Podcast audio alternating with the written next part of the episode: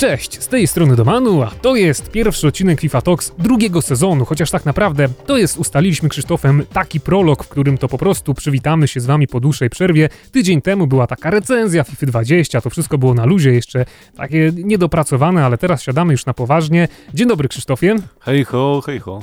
I postanowiliśmy, że właśnie przez to, że ten dzisiejszy odcinek jest taki na przeżarcie, to on jeszcze wejdzie tylko na YouTube, ale już od przyszłego tygodnia FIFA Talks będzie pojawiać się na Spotify, więc nie będzie trzeba przebywać na YouTube, jeśli ktoś będzie miał zamiar nas posłuchać a także wprowadziliśmy kilka pomniejszych zmian w ramach naszego programu i zrezygnowaliśmy chociaż z tego cotygodniowego rozmawiania o najnowszej drużynie tygodnia, bowiem no jednak kiedy my omawiamy zawodników w nowym Team of the Week, to wy wszyscy ich dobrze znacie, bo widzicie ich na fanpage'u EA, na Twitterze, na fanpage'u Kartomani i to nie ma większego sensu, żeby tutaj rozgadywać się na temat chociażby Lewandowskiego w tym tygodniu, kiedy tak naprawdę wiadomo jak on będzie grał i wiadomo jak wygląda ta karta i jednocześnie, ponieważ zainteresowani zainteresowanie było niewielkie, zrezygnowaliśmy ze stałego omawiania rankingu Top 100 Food Champions, ale za to być może zrobimy coś takiego, taki stały podpunkt, co miesięczne omówienie właśnie Food Champions i wspomnienie o tym, jak radzili sobie tam Polacy, którzy z nich najczęściej byli w top 100, którzy najbardziej wyróżniają się na tle prograczy. No i wtedy też będziemy zahaczyć o takie tematy bardzo sportowe, o jakieś turnieje, jeżeli Polacy się na nich pojawią i potencjalne sukcesy i tak dalej. No wiadomo, że w skali miesięcznej tych turniejów będzie sporo, sporo więcej niż realnie co tydzień, więc myślę, że to będzie taka idealna forma, żeby o tym opowiedzieć. Też chcemy trochę w szerszym aspekcie podjąć interakcję z Wami, większej sposobności korzystać z tematów, które podsyłacie w postaci hashtag talks, do którego to zachęcamy i będziemy wracać już od przyszłego odcinka. A co do samego Spotify, tak, w końcu się doczekacie, no jeżeli oczywiście Spotify nas w końcu zweryfikuje, bo to już trochę trwa, no ale myślę, że w końcu to się uda, bo no pchnęliśmy to mocno, mocno do przodu. A, jeszcze tylko chciałem dodać, że wydaje mi się, że niejednokrotnie w nadchodzącym sezonie, właściwie już trwającym drugim sezonie FIFA Talks, jako podcast jeszcze Was mocno zaskoczymy. No i też jeszcze właśnie tak spojrzałem tobie w oczy, jak mówiłeś o tej weryfikacji i zacząłem się zastanawiać, czy my tutaj czasem na FIFA Talks nie mówimy o jakichś treściach niedozwolonych, że może nie jesteśmy mile widziani na innych stronach, bo czasem Chyba zdarza nam się pojechać po co niektórych instytucjach, ale to już zostawiam Wam do indywidualnej oceny i tak jak wspomniał Krzysztof, przypominam jeszcze o hashtagu Talks, czyli Waszych komentarzach z propozycjami tematów do omówienia, bowiem one były naprawdę ciekawe w pierwszym sezonie i wywołały wiele ciekawych dyskusji. Jestem przekonany, że obecnie w FIFA 20 także będziecie mieli bardzo dużo fantastycznych pomysłów tutaj do rozmowy, do poruszenia na audycji, które świetnie się przyjmą i będą odsłuchiwane. To jeszcze dodam po prostu, że moim zdaniem hashtag Talks to była taka inicjatywa, która napędzała tak naprawdę ten podcast, napędzała dyskusję między nami, między nami a wami, między nami e, prowadzącymi ten podcast, więc to jest naprawdę fajna inicjatywa i planujemy ją mocno rozszerzyć, więc jeżeli macie jakieś pomysły na tematy, na nadchodzące odcinki, to oczywiście hashtag Talks, a ja już to sobie później będę odfiltrowywał i tak dalej, zapisywał do tak zwanego dzienniczka tematów i będziemy z tego korzystać w następnych odcinkach. A my chyba powoli zakończymy ten wstęp i przejdziemy do pierwszego tematu e, dzisiejszego odcinka, którym jest... Dość luźny temat dotyczący potencjalnego zamachu, który mógł mieć miejsce na siedzibę EA w Hiszpanii. I może nie jest to główny temat, ale na tyle ciekawy, że pomyślałem, iż Fajnie będzie go omówić na wstępie, bowiem proszę sobie wyobrazić, że hiszpańska społeczność graczy na tyle oburzyła się na FIFA 20, że ta gra jest niedopracowana, ma zbyt wiele błędów i w ogóle nie powinna zostać dopuszczona do sprzedaży, że tam pewni gracze wyszli z inicjatywą, ażeby zrobić prawdziwy protest pod hiszpańską siedzibą EA. I ten ruch w internecie był już tak mocno posunięty, że tam naprawdę już organizatorzy, czy tam organizator wynajął nawet do tego protestu ludzi z megafonami i tak dalej, z nagłośnieniem. Miało się zebrać wiele osób pod siedzibą EA, którzy dosłownie, oni mieli szturmować chyba ten oddział i ta akcja już się tak poważnie zapowiadała, że tam wręcz ochroniarze w siedzibie hiszpańskiej EA byli przygotowani na to i szkoleni, jak odbierać atak sztu, y, tłumu, jak to wszystko po prostu zatrzymywać. Tam nawet pojawiła się jakaś jednostka policji w dniu tego potencjalnego zamachu, który która miała to wszystko zatrzymać, a potem okazało się ostatecznie, że żadnego zamachu ani szturmu nie było, nie przyszedł nikt, nie przyszedł ani pan z megafonem, ani nie przyszedł sam organizator i ci wszyscy ludzie, ochroniarze, policja i pracownicy jej po prostu tak czekali i czekali i się nikogo nie doczekali.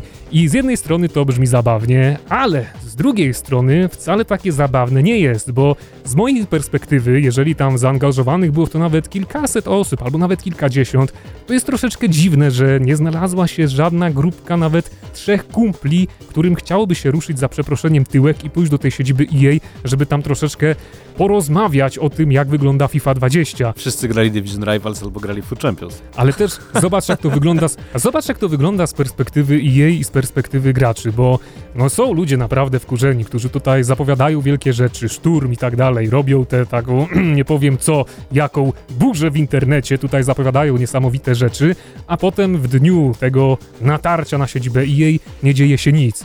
I to pokazuje mniej więcej właśnie, jaki jest realny głos graczy w internecie. Czyli tak jakby szczekać przed komputerem to sobie może każdy, ale jak już trzeba wyjść na ulicę i tak naprawdę to nie był tak, mówię w cudzysłowie, zamach, to była po prostu jakaś tam drobna manifestacja pod siedzibą EA, to już nie ma nikogo, to już nikomu się nie chce.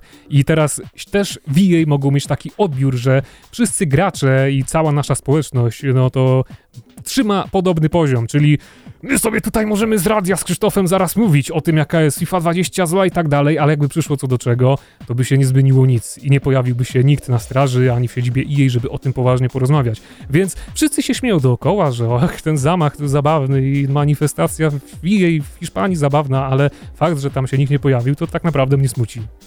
A ja ci powiem, że też sobie tak pomyślałem, że może na przykład yy, to będzie czysta spekulacja, ale hipotetycznie organizatorzy, nie wiem, dostali środki, żeby nie pojawić się na, na tej manifestacji czy coś takiego, to można myślę znaleźć szereg różnych yy, czynników i powodów, yy, dla których yy, lub przez które de facto ludzie na tej manifestacji się nie pojawili. Mi też osobiście ta sytuacja trochę przypomina taką żartobliwą sytuację ze Stanów Zjednoczonych, gdzie bardzo popularne wydarzenie związane ze, ze szturmem na strefę 51 rozrosło się do tego stopnia, że też właśnie pracownicy tej bazy wojskowej szykowali się do natarcia, odbijania potencjalnych osób, które chciałyby szturmować tę bazę, no ostatecznie wiadomo, nikt tam się nie pojawił. I to jest bardzo podobna sytuacja, natomiast to trochę smutne w sumie, y, jeżeli popatrzymy na to, jak to świadczy o nas graczach, bo y, też y, ja na przykład staram się bardzo konstruktywnie krytykować FIFA 20 w każdym materiale, o którym, czy w którym mówię o tej grze, a i tak słyszę na przykład od czasu do czasu, że jestem bezkrytyczny, że nie widzę pewnych oczywistych rzeczy, które się pojawiają i tak dalej. To też dla mnie jest takie polaryzujące, bo y, gracze niestety w FIFA y, grając bardzo często lubią sobie tłumaczyć pewne rzeczy niestworzonymi mechanizmami, które nie do końca mają miejsce, a później właśnie tworzą takie dziwne protesty, które ostatecznie się nie udają, a może szkoda, a może jednak y, trochę by to, nie wiem, pomogło w konsekwencji prowadzenia tej gry i wyprowadziłoby ją na lepsze, bo trzeba przyznać, że to jak nie działało większość trybów poza FIFA Ultimate Team na premierę gry, było naprawdę, naprawdę skandaliczne. Ale teraz chyba już działają, bowiem właśnie drugim tematem, nie najdłuższym, ale takim, który można poruszyć, jest fakt, że wyszła kolejna łatka do FIFA 20. W chwili, w której my nagrywamy dzisiejszy odcinek. Ta łatka jest już dostępna i na PC, i na PlayStation 4, i na Xbox One. No i właśnie z Krzysztofem nawet mieliśmy okazję przetestować nowe zmiany po aktualizacji. Przede wszystkim, no pierwsze co ja zrobiłem, to wszedłem w tryb kariery, zobaczyłem jak on wygląda i to najważniejsze, co było do naprawy, zostało naprawione.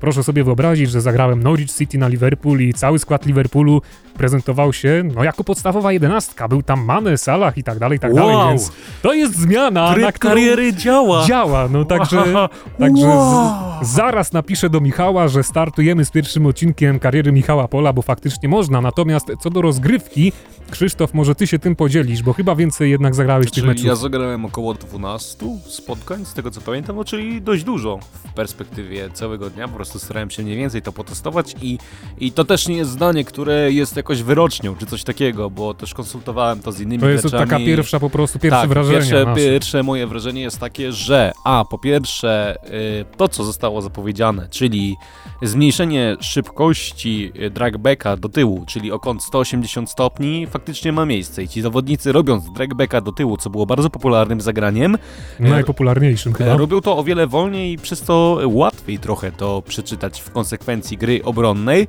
E, ale i tak ludzie robią trackbacka w zasadzie co chwilę, gdy ktoś chce strzelić bramkę, więc niewiele się to zmieniło, ale można zauważyć realnie, że działa to trochę wolniej. A z drugiej strony, mm, bardzo moja subiektywna opinia, która wynika gdzieś tam może z tego, że po prostu e, gameplay był szybki w tym momencie, ale wydaje mi się, że trochę przyspieszone zostało e, tak zwane kręcenie się zawodnikami detekcja tak zwanych mikroruchów, bo ja na przykład przed łatką grając sporo meczy, nie zauważyłem, żeby manę aż tak bardzo można było kręcić się w miejscu, jak to ma miejsce po łatce. I sam nie wiem do końca, czy to jest moje placebo, czy to jest po prostu moje wrażenie, czy realnie tak jest i to się po prostu okaże już podczas nadchodzącego Food Champions, czy ta zmiana yy, to jest tylko wrażenie, czy realnie jest to zmiana, która została wprowadzona w tej łatce. No oprócz tego kilka najważniejszych rzeczy, czyli ulepszenie sztucznej inteligencji, gry na bota, w tym przede wszystkim na poziomie legendarnym. Teoretycznie skrzydłowi w formacji 4-2-3-1 nie będą już zaczynać meczów w narożniku, aczkolwiek na Twitterze zostało mi przekazane, że grając z innymi formacjami, na przykład 4-3-3, dalej ci zawodnicy się bugują i dalej zaczynają mecz w Czyli rogu z, boiska. z jednej formacji zostali usunięci, a, a pojawili się w pięciu innych. Okay. Dokładnie. Naprawione, bugujące się spalone, poprawione wczytywanie animacji strzałów, y, czy też podań chodzi o to, że zawodnicy FIFA 20 momentami potrafili się na przykład, y, tak, my, powiedzmy, gracze aspirujący, e, a konkretnie Dawid Kamasiński, którego serdecznie pozdrawiam, nazwał to zjawiskiem zacinania. To chodziło o to po prostu, że zawodnik w pewnym momencie, biegnąc z piłką, nie do końca wiedział, którą animację miał wykonać, no i ostatecznie ta animacja albo została źle wykonana, albo została wykonana z opóźnieniem, co w konsekwencji albo nie dawało bramki, albo e, powodowało utratę piłki, no i e, teoretycznie w patchnotesach pojawia się informacja, że zostało to naprawione. Naprawione niestety e, glitch na kondycję, już kondycja jest liczona normalnie i, i nie jest nieskończona, tak jak miało to miejsce wcześniej. Większa skuteczność bramkarzy przy wychodzeniu do piąstkowania, wyniki w Division Rival Squad Battles Food Champions mają wyświetlać się poprawnie, bot ma już nie kontrolować naszej drużyny w niektórych meczach online. I tutaj Maciek w scenariuszu napisał wykrzyknik. Wydaje mi się, że to jest w ogóle absurdalne, że taki błąd był, że bot podejmował grę za nas i my nie byliśmy w stanie tego zrobić, a z tego co widziałem było to bardzo popularne zjawisko przede wszystkim na PC. Ma też nie być już sezonu, w którym Liga Mistrzów czy też Liga Europy w ogóle nie była rozgrywana, albo rozgrywana była bez konkretnie jednej drużyny, co też niestety w trybie kariery się zdarzało. Menedżerowie nie będą zwalniani po udanych sezonach i ponad 2000 nowych zdjęć na kartach FIFA Ultimate Team. To są oczywiście takie główne zmiany, e, myślę, że e, znaczy przede wszystkim tych zmian jest tyle, że jeżeli przedstawilibyśmy je na screenach, to byłoby aż 9 screenów prosto z gry, z przewijania treści tak dotyczących zmian. Tak Tego jest. jest. naprawdę dużo. A to też y, screeny to nie wszystko, bo całość patchnotesów jest, jest tak naprawdę na opisana na forum EA i tego jest naprawdę, naprawdę, naprawdę dużo. Tam jest już tyle tego, że no, można by zamiast tego jakąś fajną książeczkę przeczytać i to takie są fakty. Tylko ciekawi mnie realnie, y, czy to są faktycznie zmiany, czy oni po prostu tak napisali i, i coś innego zepsuli. Tak jak właśnie tutaj było napisane, że zawodnicy y, przy konkretnej formacji nie będą pojawiać się w rogu na początku meczu, a i tak się, pojawiają. pojawił w innych formacjach. No właśnie i takich błędów myślę może być dalej bardzo, bardzo dużo. Najciekawsze jeszcze z tego, co powiedziałeś, to jest właśnie zachowanie gry bramkarzy, którzy teraz nie będą y, tracić kontroli nad tymi piłkami, które lecą na nich z góry i w ogóle nie będą takich piąstkować w niekontrolowany sposób, bo ogólnie chyba większość osób uważa, że bramkarze w FIFA 20 bronią całkiem nieźle, a to wybijanie takie niekontrolowane piłki albo nieumiejętność złapania to był taki największy błąd, który im się przytrafia, więc jeżeli to zostanie wyeliminowane, no to chyba akurat możemy się spodziewać, że będziemy mieli jednych z najlepszych golkiperów w historii.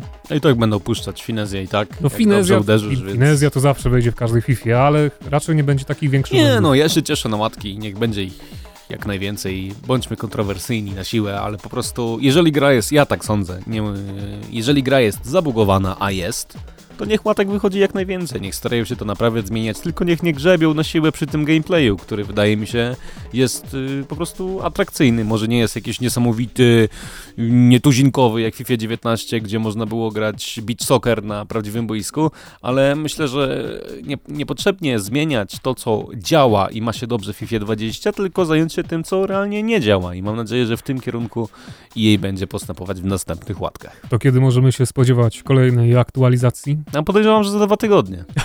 Nie no, serio. No dobrze, więc tym optymistycznym akcentem zakończmy temat, bo naczytałeś się już z tej listy naprawdę długo, aż tutaj jak wyczytywałeś te zmiany, to już na zegarek patrzyłem, kiedy my to skończymy, bo to naprawdę, No, naprawdę była robota. już. A myślę, że jest jeszcze jeden tak naprawdę główny temat dzisiejszego odcinka, którym powinniśmy się zająć. I tym tematem jest Event Icon Swaps. No właśnie, i czy on jest udany, czy jest nieudany, czy jest atrakcyjny, czy większości graczom się spodoba, czy raczej nie.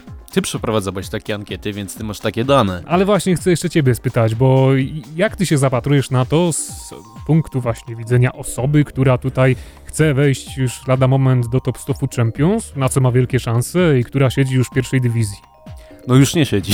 No nie siedzi, ale to jest spowodowane właśnie eventem Icon Swaps. To nie znaczy, no, po prostu... mm, Ja byłem początkowo bardzo negatywnie nastawiony do tego eventu, co też dość mocno oznajmiałem na swoim Twitterze w wielu, wielu dyskusjach i też dalej pewne rzeczy w tym evencie mi się nie podobają, bo Yy, naprawdę dla graczy siedzących w pierwszej i w drugiej lidze jest to bardzo trudny event, bo po, powyżej 1800 skill ratingu trafia się na graczy najlepszych na świecie, najlepszych w Polsce, ogólnie najlepszych na świecie. No ja grałem z wieloma, wieloma, wieloma graczami i no muszę przyznać, że na tak wysokim skill ratingu na wiele, wiele spotkań żadna osoba, nawet jedna z którą grałem, nie robiła tych wyzwań i to mnie trochę zaskoczyło, bo no ale przykład... też na pewno te osoby miały takie składy, że Tak, tam trudno by było wcisnąć jakąkolwiek tanią ikonę, takiego Guardiolę albo Okocze. Czy oni potrzebowali takich zawodników? No nie, ale ja na przykład jestem w tej pierwszej, znaczy teraz już nie jestem, byłem przez chwilę dosłownie,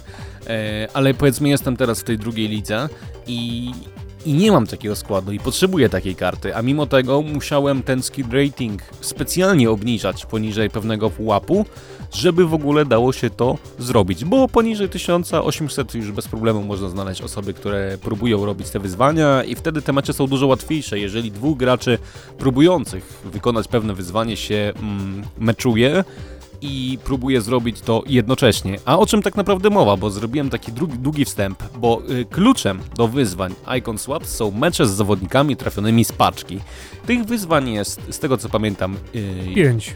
5, czyli w, w grupie wyzwań jest 7, ale jedno dotyczy Food Champions, e, bodajże trzeba wygrać 9 spotkań. E, Zacznijmy od tego, że są grupy z wyzwaniami w meczach online i w Squad Battles. I w Squad Battles właśnie, może nie, jeszcze inaczej. Zacznijmy od początku. Icon Swaps będzie trwało do grudnia i przez pierwszy miesiąc możemy zdobyć 12 kart w rozmaitych wyzwaniach, które możemy przepalić o dane ikony. Następna dawka 12 kart pojawi się no mniej więcej za miesiąc, które także będziemy mogli zdobyć poprzez rozmaite wyzwania w meczach online, jak i na bota. Jeżeli zdobędziemy wszystkie te karty, czyli 24, to będziemy mogli je wszystkie przepalić w wyzwaniu o najatrakcyjniejszego Didiera Drogbę, ale jeżeli będziemy mieć tam tro, troszeczkę mniej tych zdobytych kart, na przykład 8 albo 14, no to za 8 bodajże dostaniemy Okocze czy Guardiolę wersji Baby, a za 14 kart chociażby Balaka, czy za 17 albo 16 Ferdinanda, który jest ogólnie chyba najbardziej atrakcyjną kartą. To jest oczywiście event, który możemy znać z FIFA 19, bo tam się nawet on cieszył niezłą popularnością, aczkolwiek myślę, że podniesienie go do rangi ikon jest y, jeszcze bardziej atrakcyjne, bo to są jednak ciekawsze karty. Ale po pierwsze, te karty, które tutaj możemy zdobyć w pierwszym rozdaniu, w większości nie są jakieś powalające, no bo tam mamy na przykład do wyboru Ryana Giggsa za 9 wyzwań, albo tak jak wspomnieliśmy Okocze, Schmeichela Baby, no to nie oszukujmy się, od Schmeichela Baby to będzie lepszy Oblak, który kosztuje obecnie 35 tysięcy, czyż tak? Nie no, jasne, ale też z drugiej strony obniża trochę, wydaje mi się, atrakcyjność samych kart, które w tym zestawieniu się pojawiają. Oczywiście i obniża ich cenę, bo już taki Guardiola na Dokładnie. przykład już spadł, widziałem na Xboxie z dnia na dzień tam o około 30 tysięcy, a to jest coś. Natomiast y, karty zdobywać można, jak mówiliśmy, poprzez granie meczów online, jak i na bota. Jeżeli chodzi o granie na bota w Squad Battles, to sprawa wygląda całkiem prosto, bo musimy wygrać 5 meczów y, składem z Ligi Chińskiej na poziomie co najmniej klasa światowych, żeby dostać jedną kartę do przepalenia. 5 meczów jakimkolwiek, y, przepraszam, 6 meczów jakimkolwiek złotym składem. Nie, złotym składem kartę? 83. O, o maksymalnej maksymalnej zawodnik może mieć 83. No, no to, no to myślę, że akurat wyżej ocenionego to jeszcze niewielu ma. Tam jest 5 meczów o kolejną kartę i 5 meczów składem z Eredivisie. To już nam takie wyzwania pozwalają zdobyć cztery karty i to wcale nie jest głupie rozwiązanie, bowiem jednego tygodnia można sobie zagrać właśnie składem z Eredivisie, nabić w tym y, skład Battles przy okazji jakąś rangę, która nam da chociaż z 10 tysięcy monet i dwie podstawowe paczki. I co tydzień można robić kolejną, zdobywać kolejną kartę dzięki skład Battles, dostawać te nagrody. I to się nawet opłaca, bo to nie jest ani męcząca gra, ani nie jest trudna gra, bo kupienie składu jakiegokolwiek z Ligi Chińskiej, no to nie jest jakieś wielkie wyzwanie, ani finansowe, ani po prostu jakiekolwiek, więc tu jest akurat wszystko dobrze przemyślane. Natomiast A, jeżeli przechodzimy... przechodzimy... na chwilę. Y, a nie uważasz, że poziom klasy światowej to i tak jest trochę za trudno dla większości graczy, bo ja na przykład na Twitterze spotykałem się z taką opinią, że dość trudno się gra mecze na klasie światowej z tymi lepiej ocenionymi składami i najłatwiej no tak, szło tylko... właśnie z tymi słabszymi brązowymi. Tylko miejmy tutaj właśnie na uwadze, że jeżeli będziesz grał przez cały tydzień, a masz obecnie nowy odświeżony skład Battles, gdzie możesz co chwilę sobie wczytywać nowe drużyny, to co każde rozdanie, na 10 rozdań masz pokazywane cztery drużyny, z którymi możesz zagrać i tam wśród tych czterech drużyn zawsze jest praktycznie jeden skład, który który jest albo brązowy, albo srebrny, albo nie ma w ogóle zgrania i są tam jacyś zawodnicy nie na swoich pozycjach, typu bramkarze na ESO, bo po prostu ktoś sobie taki złożył dla, dla zabawy. Więc to od ciebie zależy, na jaki ty będziesz grał skład. Jeżeli chcesz zagrać 5 meczów Eredivisie w ciągu tygodnia, to bez problemu rozegrasz wszystkie z tych meczów na jakiś brązowy albo srebrny skład, który nie ma żadnych umiejętności praktycznie, które mogłyby no, ci no zaskoczyć na, na klasie światowej. Więc ja to zrobiłem na tej zasadzie, że odpaliłem sobie na klasie światowej i wbiłem szybko po 5 goli, mecz już toczył się sam, a obok czytałem książkę i patrzyłem kątem oka, czy czasem bot nie ma szans ze mną wygrać, więc to nie jest ale, żadne wyzwanie. Ale też właśnie musisz wziąć pod uwagę, że nie każdy gra tak jak ty i gra na bota trochę różni się od tej gry na ale żywego mimo wszystko, mimo wszystko, tak jak zobaczyłem, jak gra ten bot na klasie światowej, to wydaje mi się, że nie będzie to trudne dla kogokolwiek. A do czego dążę? Do tego dążę, że e, wydaje mi się, że jednocześnie ten event kierowany jest dla graczy casualowych w dużej mierze, a z drugiej strony właśnie jest trochę podbity przez poziom trudności Squad Battles, bo myślę, można było to rozegrać trochę inaczej. Ale przejdźmy do najbardziej kontrowersyjnej części, no i czyli właśnie, do grania najbardziej online. kontrowersyjna rzecz to jest mecze w Division Rivals, gdzie musimy wygrać trzy mecze z składem z Bundesligi, trzy mecze z składem z Ligę, no i pozostałych z pięciu najpopularniejszych lig składem, składami, w których mamy po 7 kart z paczki. Z paczki, albo jako SBC. No to znaczy ogólnie muszą być to karty z tym napisanym tam pierwszy właściciel, czyli musimy... muszą mieć status pierwszego właściciela. Możemy, Może tak. być to nawet wypożyczona karta, jeżeli macie taką w klubie. No dobrze, ale w każdym razie, jeżeli teraz przechodzimy do wyzwania, załóżmy, że ja przebywam w trzeciej dywizji, to zrobisz to bez problemu.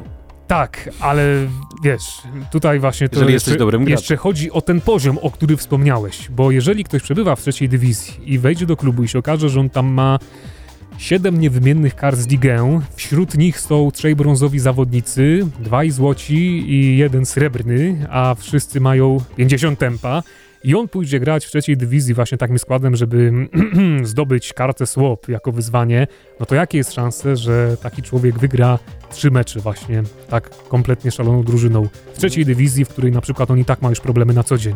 Więc albo teraz pójdzie do sklepu, kupi FIFA Points i będzie szukać w paczce lepszych zawodników z ligę i z każdej pozostałej ligi, albo ten event jest dla niego przegrany no chyba, że po prostu on celowo spadnie z ligi do dywizji szóstej i tam będzie sobie odblokowywać. No w każdym razie na który punkt by nie spojrzeć, no to każde rozwiązanie jest chyba troszeczkę nieatrakcyjne. Znaczy atrakcyjne z punktu widzenia wydawcy gry. Aha, to, to zmienia postać rzeczy, ale my jednak rozmawiamy z punktu widzenia gracza. I z tutaj, punktu widzenia tu... gracza to ci powiem ciekawostkę. No. Dzisiaj robiłem sobie wyzwanka, będąc jeszcze w pierwszej lidze i grałem z mm. Mm, graczem y, esportowym PSV y, Aigunem 96 i tenże gracz miał w składzie Eusebio, Vieire i tak dalej, i tak dalej. A ty wyszedłeś A ja wyszedłem Wpadłem na niego z Cordobą i tak dalej. No naprawdę skład niesamowity. Najlepszym zawodnikiem był chyba Akanji, naj, najwyżej ocenionym.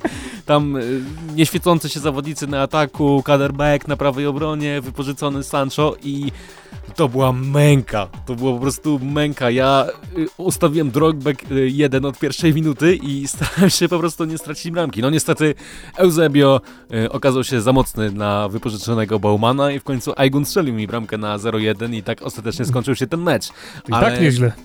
No, bardzo się starałem.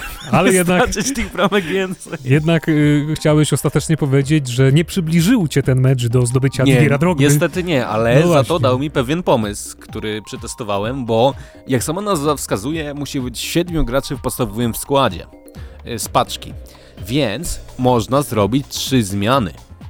I wtedy sobie wykombinowałem, y, bo zostawiłem sobie Neymara na ławce i wpuściłem go, tak z ciekawości, tak?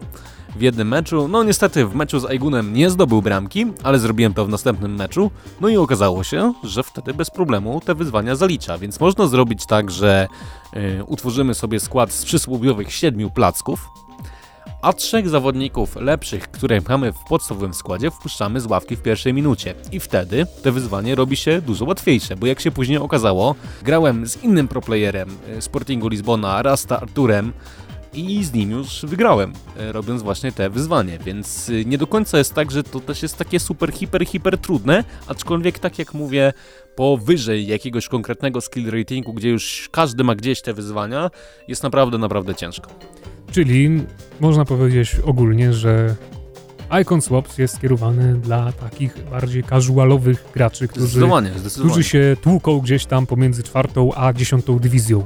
Wiesz, dla mnie co jest najbardziej zaskakujące w tym evencie? Że ja myślałem, że ja będę narzekał, że to jest różnica praca i ogólnie głupi pomysł, a w konsekwencji, jak zacząłem robić te wyzwania i grać z tymi naprawdę zawodnikami, których nigdy przy nigdy bym nie użył, zacząłem odczuwać pewną, pewną dosłownie przyjemność z momentu tego, że ze składami dużo du- droższymi niż ten, którym gram, wygrywam mecze, bo zawodnicy, których miałem, to już nawet nazwisk ich nie pamiętam, a jak strzeliłem czasami bramkę takim zawodnikiem, to byłem naprawdę dumny, że mi się to udało. Coś może w tym fajnego jest, aczkolwiek wydaje mi się i tak, że to powinno przybrać inną formę w postaci osobnego trybu dla wyzwań tego typu, bo, bo jednak ci gracze z wyższych dywizji są skreśleni, no wiadomo, oni są w mniejszości, ich jest mniej i, i tak dalej, ale wydaje mi się, że jeżeli pojawiają się jakieś wyzwania w grze, to one powinny być tak wycelowane mniej więcej dla wszystkich graczy. To znaczy myślę, że to, co najbardziej dotknęło większość graczy, przez co ogólnie zdecydowana większość przynajmniej rzeźników kartomanii uważa, że Icon Swaps jest jako takie, no to właśnie te wyzwania, gdzie trzeba używać kart y, pierwszy właściciel, bo jednak no to jest największe ograniczenie i rzecz, która najbardziej denerwuje. O wiele bardziej byłbym za tym, żeby chociażby były to wyzwania typu strzel 5 bramek główką kimkolwiek. Co? Nie, to bym nigdy nie zrobił tego. Nie, ja bym zrobił, no jak rzucisz na dalszy słupek i, i tam nikogo nie ma, to byś strzelił, no nie przesadzaj, takie główki jeszcze no się po da zdobywać. 35 meczach możemy zrobić. No nie, no nie przesadzaj. Nie no, ja to ci mówię, ja to z główki to ja chyba z rogu strzeliłem ze dwa razy przez całe Food Champions. Lecz, no. lężletem. Ja już kilka strzeliłem główek w tym roku, ale to były takie akcje, że wiesz, sam na sam biegłem i zamiast podać po ziemi, to na główkę wrzucałem. PLK Damian musi nagrać poradnik na wrzutki, bo graliśmy trochę meczów tutaj, przyznam się, y, o słuchaczom FIFA Talks i Damian naprawdę bardzo często te piłki wrzuca i co ciekawe, oddaje mu się oddać strzał i niejednokrotnie strzelić bramkę, więc Damian, jeżeli słuchasz podcastu FIFA Talks, nagraj poradnik na wrzutki dla swoich widzów. Niestety ja z Damianem nie grałem, bo on zaczął na PlayStation w tym roku. A ja właśnie na dlatego zagrałem. I no, będę musiał do ciebie przyjść, żeby z Damianem zagrać, bo nie ma innego wyjścia. No ale w każdym razie, Icon Swaps ogólnie oceniamy jako 50-50, Jako, jako event. tako. Jako tako, Jako no, tako, mogło tak być zwane. lepiej, ale dla mnie tak jest lepiej właśnie niż rok temu, bo no ikony, nawet jak sobie zdobędę takiego Guardiolę i Schmeichela, to też jestem ciekaw, wydaje mi się, że w przyszłości, pomimo tego, że ikony nie mają być dostępne jako SBC w tym roku, to pojawi się jakieś wyzwanie, może za pół roku, gdzie będzie paczka z ikoną Prime, a żeby ją zdobyć będzie trzeba przepalić dwie ikony i wtedy taki Guardiola i Schmeichel to jak pstryknięcie polecą w tym wyzwaniu. Teraz mi i, powiedz, yy, i na jaką kartę z Icon Swap spolujesz. Jeszcze nie wiem. A, jeszcze Ale nie to wiesz. wiesz, Jeszcze yy, nie wiem, ale z tego co wiem, to na takiego jednego pana polujesz. Jakbym zdobył Drogbę, to by było fajnie, ale przede wszystkim chcę jeszcze sprawdzić kilku innych ciekawych zawodników, bo no powiedzmy sobie szczerze, ja już mam trochę hajsu i myślę, że mogę kupić bez problemu Nestę, Guardiolę i wszystkich tych zawodników, którzy najbardziej interesują graczy i po prostu ich przetestować, a już na podstawie tej wiedzy podzielę się z wami informacją, którzy z nich są naprawdę warci tych słapów, a którzy nie i No i- po prostu wtedy Ja osobiście mam zamiar poświęcić swoje żetony na Ferdinanda, bo wiadomo, wiadomo, jest to zawodnik klasy światowej i wydaje mi się, że przez dłuższy okres gry będzie można nim grać w podstawowym składzie i tak naprawdę jest to jedna z najlepszych kart dostępna w tym zestawieniu. E, z tą myślą zostawiamy Was z Icon Swapami, zostawimy Was też z pytaniem odcinka, na które chcielibyśmy, żebyście odpowiedzieli w komentarzach. I pytanie brzmi następująco. Czy robicie Icon Swap? Jeżeli tak, to na którą kartę polujecie? Chcemy poznać Wasze zdanie, czy celujecie właśnie w Drogbę, czy w Ferdinanda, czy w kilka pomniejszych kart, bo to jest naprawdę ciekawe, jak gracze sobie rozplanują e, rozegranie tych wszystkich wyzwań. I to jest też wielką ciekawostką, bo my wiemy, jak można zdobyć obecnie 12 pierwszych kart, ale co będzie się działo za miesiąc, jakie będą nowe wyzwanka, to szczerze mówiąc aż strach myśleć. No, oby nie było rozegranie 58 meczów Champions przy pełni księżyca i wygranie ich, nie wiem, 15-0. To by było naprawdę absurdalne, ale to już od takich pomysłów to jest Maciek. Maćka dzisiaj z nami nie ma, ale, ale myślę, że by, być może niedługo się w podcaście pojawi. Na dziś chyba to tyle. Forma zdecydowanie krótsza, mam nadzieję przyjemniejsza dla Was słuchaczy. Wyraźcie swoje opinie w komentarzach. Pamiętajcie o zostawieniu hashtag. Ja się nazywam Krzysztof Lenarczyk, znany też jako Mr. Kogito. Na drugim mikrofonie był Wam doskonale znany i lubiany Dominik Domanu Don. Na dziś to tyle. Do usłyszenia wkrótce. Cześć!